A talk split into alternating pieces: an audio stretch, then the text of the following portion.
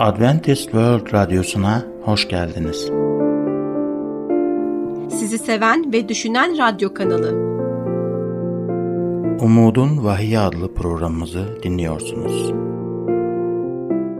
Bugünkü programımızda yer vereceğimiz konular Vahiy'in yeni milenyum için yeni hayatı, sağlık gıdaları.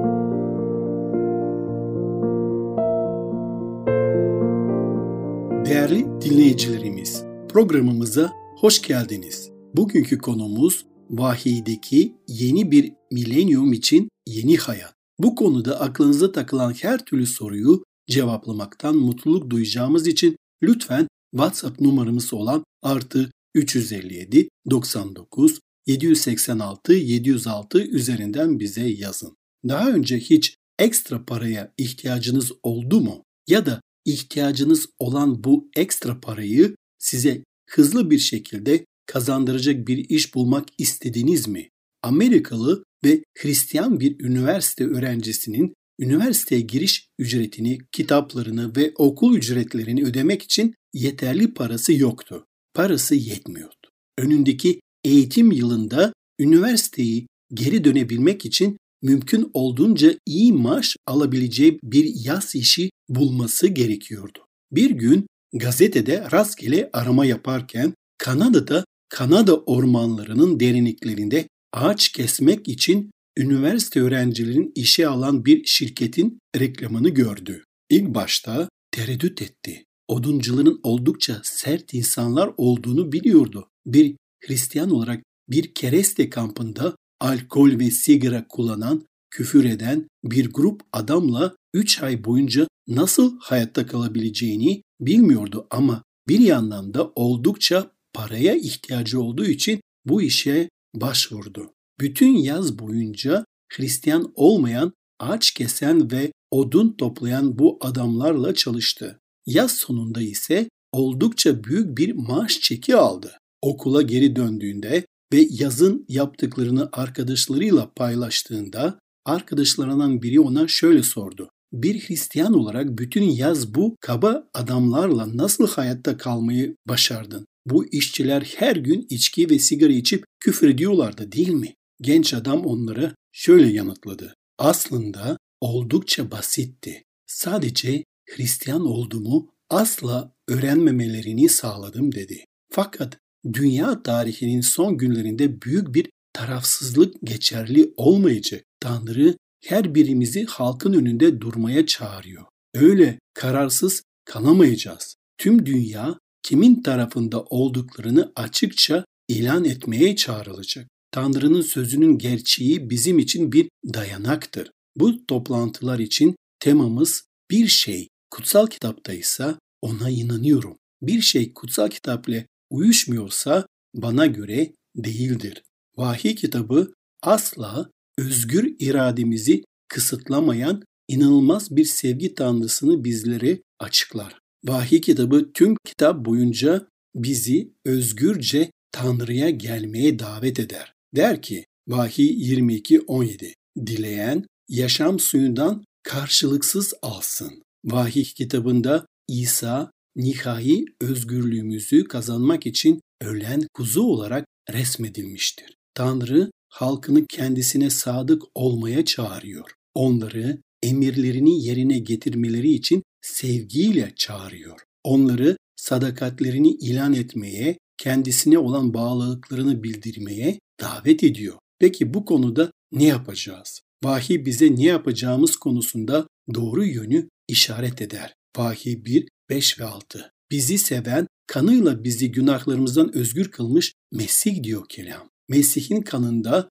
yıkandığımızı gösteren bir sembol var mıdır? Evet, vaftiz kesinlikle bunun bir sembolüdür. Vaftiz, İsa Mesih'e bağlılığımızın ve sadakatimizin bir sembolüdür. İsa öğrencilere şöyle bir talimat verdi. Matta 28, 19 ve 20. Bu nedenle gidin, bütün ulusları öğrencilerim olarak yetiştirin. Onları baba, oğul ve kutsal ruhun adıyla vaftiz edin. Size buyurduğum her şey uymayı onlara öğretin. İşte ben dünyanın sonuna dek her an sizinle birlikteyim. Vaftiz edildiğimizde bağlılığımızı ilan etmiş oluruz. Duruşumuzu insanlara açık bir şekilde sergileriz. Kimin tarafında olduğumuzu gösteririz. Birçok Hristiyanın bu temel kutsal kitap kanunu konusunda kafası karışıktır. Kaç çeşit vaftiz vardır? Bazı kiliseler bebeklere su serpiyorlar. Diğerleri bir bebeğin veya küçük bir çocuğun başına su döküyorlar. Bir mezhep zeytinyağı ile vaftiz ettiğini duymuştum. Hatta gençlerin başına gül yaprakları serpip onları da vaftiz ediklerini söyleyen bir kilise bile duydum. Bir keresinde de bir pastör gençlerini dağa çıkarıp onları karla kaplayarak onlara sözde vaftiz etmişti. Bu yöntemle ilgili ona sorular sorulduğunda bu soruları suyun sıvı veya katı olması fark etmez diye cevaplamıştı. Peki bu pastör haklı mıydı? Kutsal kitap yalnızca tek bir gerçek vaftiz yöntemi olduğunu açıkça bildirir. Açıkça tek efendi, tek inanç, tek vaftiz vardır der. Kutsal kitabın belirlediği tek bir yöntem vardır. Gerçek vaftiz yönetimini keşfetmenin en iyi yolunu İsa'nın nasıl vaftiz edildiğini keşfetmek olduğu konusunda bugün siz de benimle aynı fikirde değil misiniz? İsa ile aynı şekilde vaftiz edilirsek kesinlikle yanlış yapmayacağımız demektir. Markus 1.9'da o günlerde Celili'nin Nasıra kentinden çıkıp gelen İsa, Yahya tarafından Şeri Irmağı'nda vaftiz edildi. Matta 3, 16 ve 17'de ise İsa vaftiz olur olmaz sudan çıktı. O anda gökler açıldı ve İsa Tanrı'nın ruhunun güvercin gibi inip üzerine konduğunu gördü. İsa vaftiz edilirken suya batmış ve sudan çıkmıştı. Daldırılmıştı ve ruhun güvercin gibi üzerine indiğini gördü. Göklerden sen benim sevgili oğlumsun, senden hoşnudum diyen bir ses duyuldu. İsa'nın suya tamamen daldırılarak vaftiz edilmesi yaşamında önemli bir olaydı. Ve sizin vaftiziniz hayatınızda önemli bir gün olacak. İsa'nın vaftizinde yaşamış olduğu iki özel şey vardı. İlk olarak kutsal ruh kötü olanın ayırtmalarına karşı koyması için ona doğaüstü bir ruhsal güç verebilmek amacıyla İsa'nın üzerine inmişti. Kutsal kitap vaftiz edildiğimizde bizim de aynı ruhsal gücü elde edeceğimizi bizlere vaat ediliyor. Hayatınıza gelecek olan böylesi bir manevi gücü istemez miydiniz? Bu manevi güç İsa'nın üzerine inmişti ve bize de gelecek. O vaftizinde güç aldı ve biz de imanla kalplerimizi ona açıp vaftizimizde kutsal ruhu alacağız. Kutsal yazılar diyor ki Elçilerin İşleri 10.38'de Tanrı'nın Nasırlı İsa'yı nasıl kutsal ruhla ve kudretle meshettiğini biliyorsunuz. İsa'nın vaftizinde olan ikinci şey babanın gökten ona söylediği şu sözler oluyor. Matta 3, 17. Göklerden gelen bir ses sevgili oğlum budur ondan hoşnudum dedi. Ne zaman Tanrı'nın bir çocuğu Mesih'in çağrısına yanıt verirse ve vaftiz edilip Rabbimiz için insanlara karşı açık bir duruş sergilerse gökler bundan oldukça hoşnut oluyor. Siz vaftiz edildiğinizde de baba bir kez daha şöyle diyecek. Bu benim sevgili oğlum, bu benim çok memnun olduğum sevgili kızım. Yüzyıllar boyunca inanlılar vaftizle Mesih'e tam bir bağlılığı göstermenin sevincini yaşadılar. Bazen ailelerinde bunu yapan tek kişi onlardı. Bazen şehirlerinde, köylerinde veya kabilelerinde bunu yapan tek kişi onlardı. Tanrı herkese ayrı ayrı sesleniyor ve bana gel diyor. Tanrı Küdüs'ten dönen bir Etiyopyalı böyle çağırmıştı. Etiyopyalı kutsal yazıları okurken Tanrı mucizevi bir şekilde Filipus'u ona götürdü. Filipus bu tanınmış Etiyopyalıyı Tanrı'nın sözlerini açıkladı. Onun sorularını yanıtladı ve bu adamın hayatını tamamen Mesih'e adaması için ona etkili bir çağrı yaptı.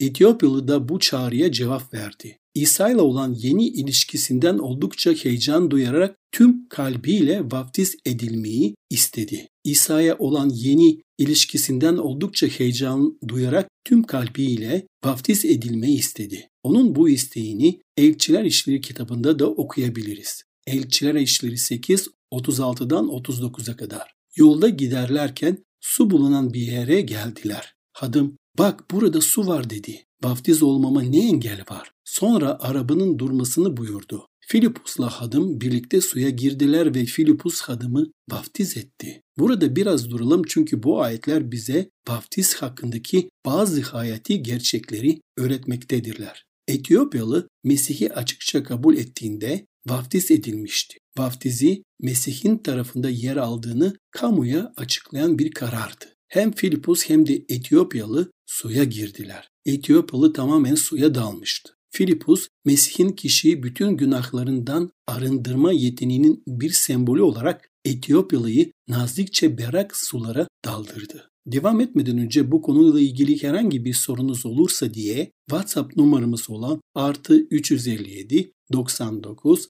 786 706'yı sizlere hatırlatmak isterim. Kişinin vücudunun tamamı suya daldırılmalıdır çünkü kişinin tamamı günah işlemiştir. Her birimiz suyun altına girmeliyiz çünkü her birimiz günah işledik. Serpmekten çok daha fazlasına ihtiyacımız var. Çünkü tamamen temizlenmemiz gerekiyor. Kutsal kitaba göre vaftiz için suyun içine tam daldırmaya ihtiyacımız var. Aslında düşündüm de belki de vaftiz kelimesinin anlamının farkında olmayabilirsiniz. Hadi o yüzden buradan başlayalım. Vaftiz ne demektir? Yunanca vaftiz etmek kelimesi daldırmak, batırmak, su altına dalmak anlamına geliyor. O zamanlarda yaşayan bir kadın kumaş parçasının rengini tamamen değiştirmek isterse onu suya daldırırdı. Bu eylem tarif etmek için kullanılan Grekçe kelime vaftizdi. Daldırma yoluyla vaftiz kesinlikle eski kiliselerin de uyguladığı vaftiz yöntemiydi. Arkeoloji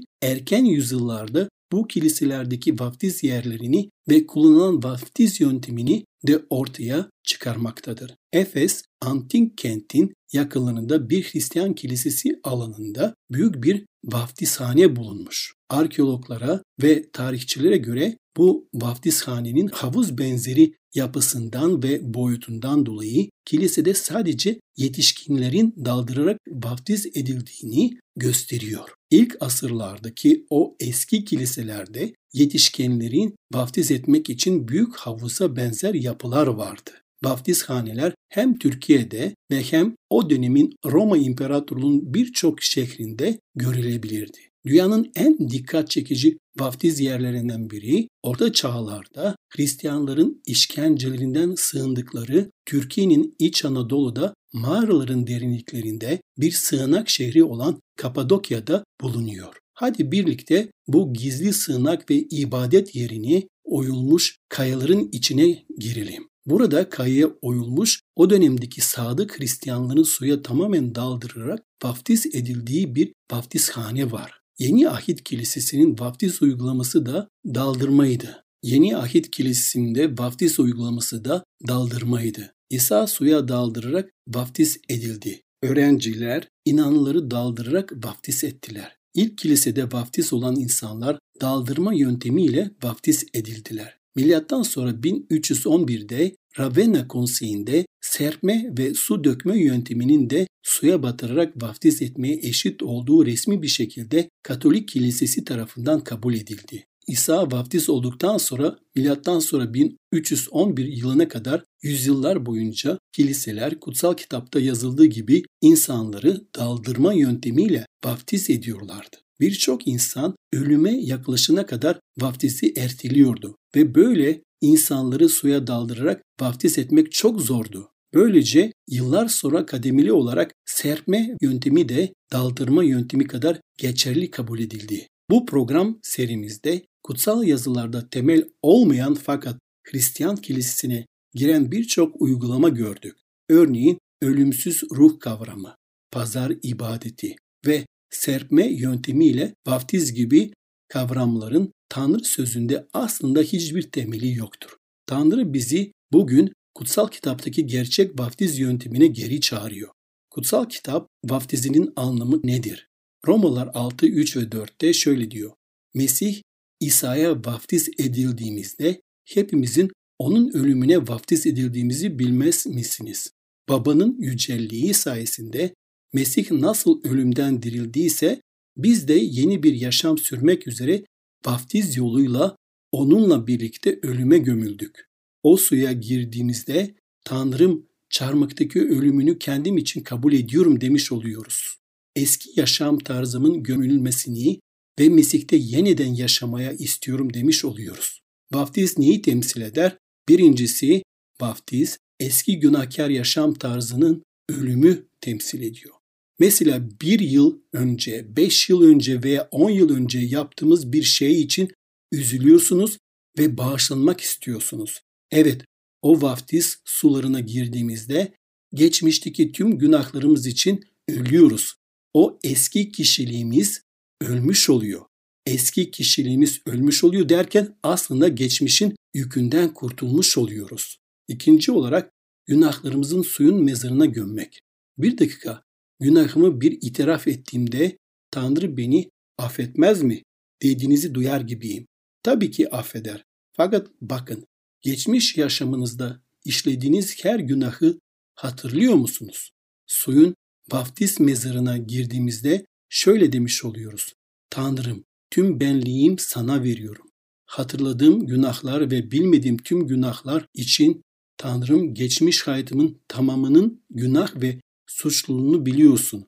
Suyun altında gireceğim ve itiraf etsem de etmesem de her şey temizlenecek ve ben senin huzurunda yeni bir adam, İsa'da yeni bir kadın olacağım ve yeni bir sayfa açıp yeni bir hayata başlayacağım.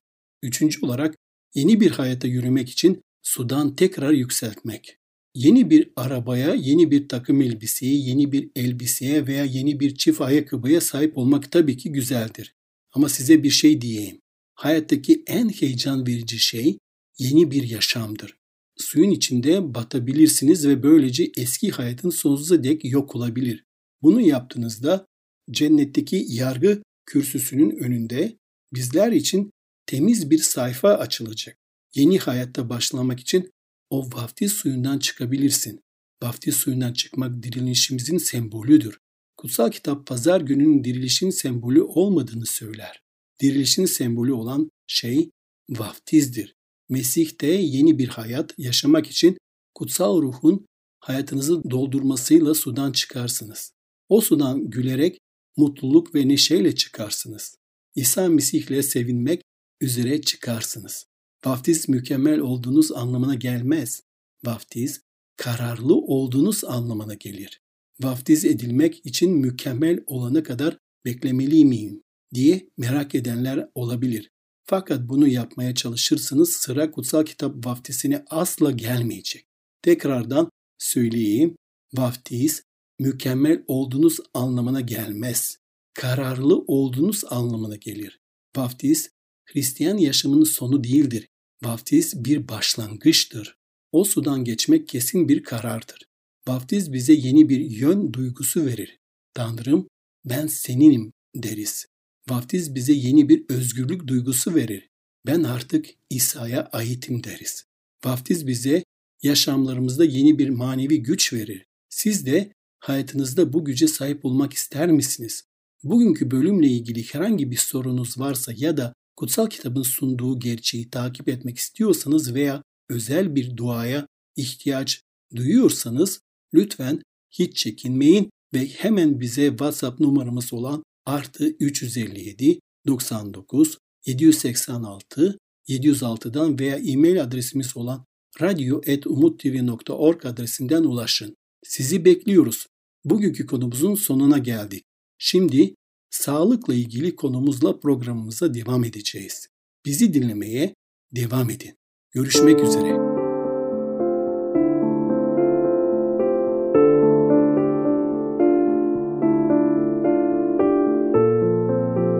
Merhaba değerli dinleyicilerimiz. Programımıza hoş geldiniz. Bugünkü konumuz sağlıklı gıdalar. Evet, uzun yüzyıllar boyunca her nüfus grubu besinlerinde kullandıkları gıdaları minimum bir şekilde işleyerek ya da hiç işlemeyerek yaşamlarını sürdürdüler. Beslenmeleri, meyveleri ve sebzeleri çok az işlemden geçirerek yemek, tam tahıllı ekmek tüketmek ve çok az miktarda et yemek gibi pek çok iyi şeyi barındırıyordu. Konumuza devam etmeden önce konumuza dair herhangi bir sorunuz olursa diye WhatsApp numaramız olan artı 357 99 786 706'yı sizlere hatırlatmak istiyorum. Eskiden çok az insan bugün günlük tüketilmesi gerektiği söylenen kadar kaloriyi tüketebiliyordu. Fakat eğer yine de bir şekilde fazla kalori tüketselerdi, bu fazla kaloriler kesinlikle çiftçilik ve diğer birçok yoğun fiziksel efor gerektiren işler esnasında yakılırdı.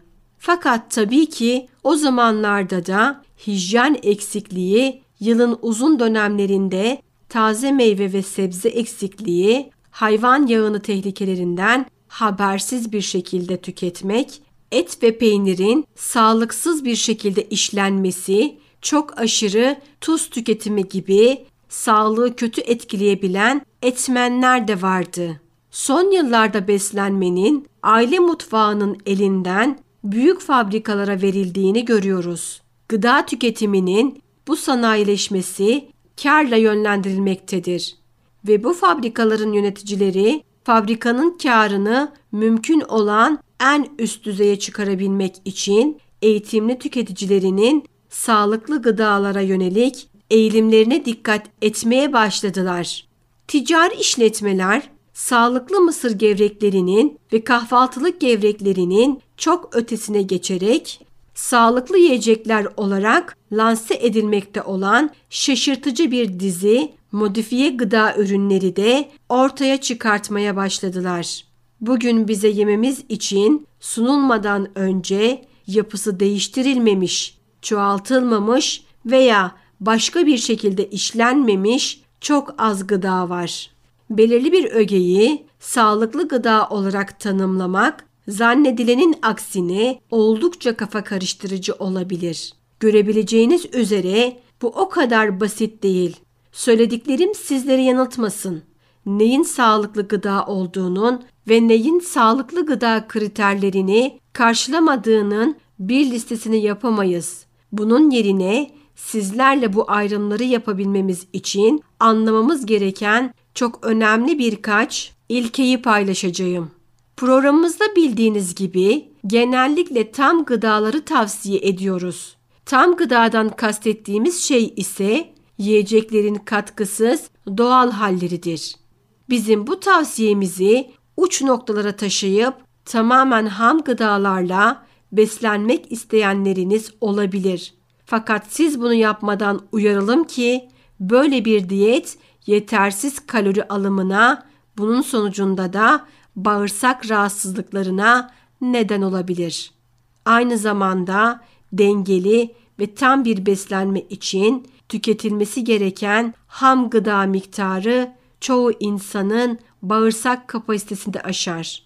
Tahılların, baklagillerin ve bunlar gibi birçok sebzenin pişirilerek tüketilmesi onların sindirilebildiklerini arttırır ve gıdaların pişirilerek birbiriyle karıştırılmaları lezzetlerini oldukça arttırabilir. Endüstriyel gıdalardaki katkı ve lezzet maddeleri endüstriyel gıdaların çoğunda günlük almamız gereken miktardan çok daha fazla tuz kullanılır ve bu gıdaları tüketmek aşırı tuz tüketiminin getireceği birçok zararı da beraberinde getirir. Evet, buna ek bir başka sorun da endüstriyel gıdaların aşırı derecede tatlandırılmalarıdır. Yüksek fruktozla mısır şurubu birçok eleştirinin hedefi olmuştur. Ancak sofra şekerinin de yarısı fruktozdur. Hatta aslında bal, şeker, akça ağaç şuruplarının hepsi fruktoz içerirler. Vücuttaki fazla fruktoz karaciğer tarafından yetersiz bir şekilde işlenir ve bunun sonucunda yağ dönüştürülerek karaciğerin yağlanmasına neden olur. Günümüzde çoğumuz olmamız gerekenden fazla kiloluyuz ve karaciğerlerimizde de sağlıklı olan miktardan çok daha fazla miktarda yağ vardır. Ancak unutulmaması gerekir ki karaciğerdeki aşırı yağlanmanın nihai sonucu karaciğer sirozu olabilir. Evet, endüstriyel gıdaların yağ içeriği ise rafine gıdalardaki üçüncü bir sorunda yüksek orandaki yağ içerikleridir. doymuş yağlar ve bunların sentetik benzerleri olan trans yağlar sağlığımız açısından zararlıdırlar. Yağ yiyecekleri daha lezzetli yapar. Az miktarda kullanılan bitkisel yağ zararlı değildir ve yağda çözünür vitaminlerin alınmasını sağlayabilir. Asıl sorun yağın kullanılması değil, özellikle rafine gıdalarda lezzeti arttırmak için aşırı miktarda yağ kullanılmasıdır. Bu dediklerimizi daha iyi bir şekilde anlayabilmek için vejeteryan sosislerin ve beğendiğiniz diğer rafine gıdaların yağ içeriklerini şöyle bir kontrol etmeniz yeterlidir. Besin dengesi beyaz un elde etmek için buğday ruşeymini ayırmak, buğday veya soya fasulyesinden gluten ve dokunmuş proteinleri çıkararak gıdaları rafine hale getirmek, gıdaların doğal dengesini bozar. Kabuklu kuru yemişlerin, sebzelerin ve hatta zeytinin yağını sıkmak bu gıdaların özünü çok konsantre miktarlarda elde ettiğimiz anlamına gelir. Az miktarlarda bu özler o kadar zararlı olmayabilirler.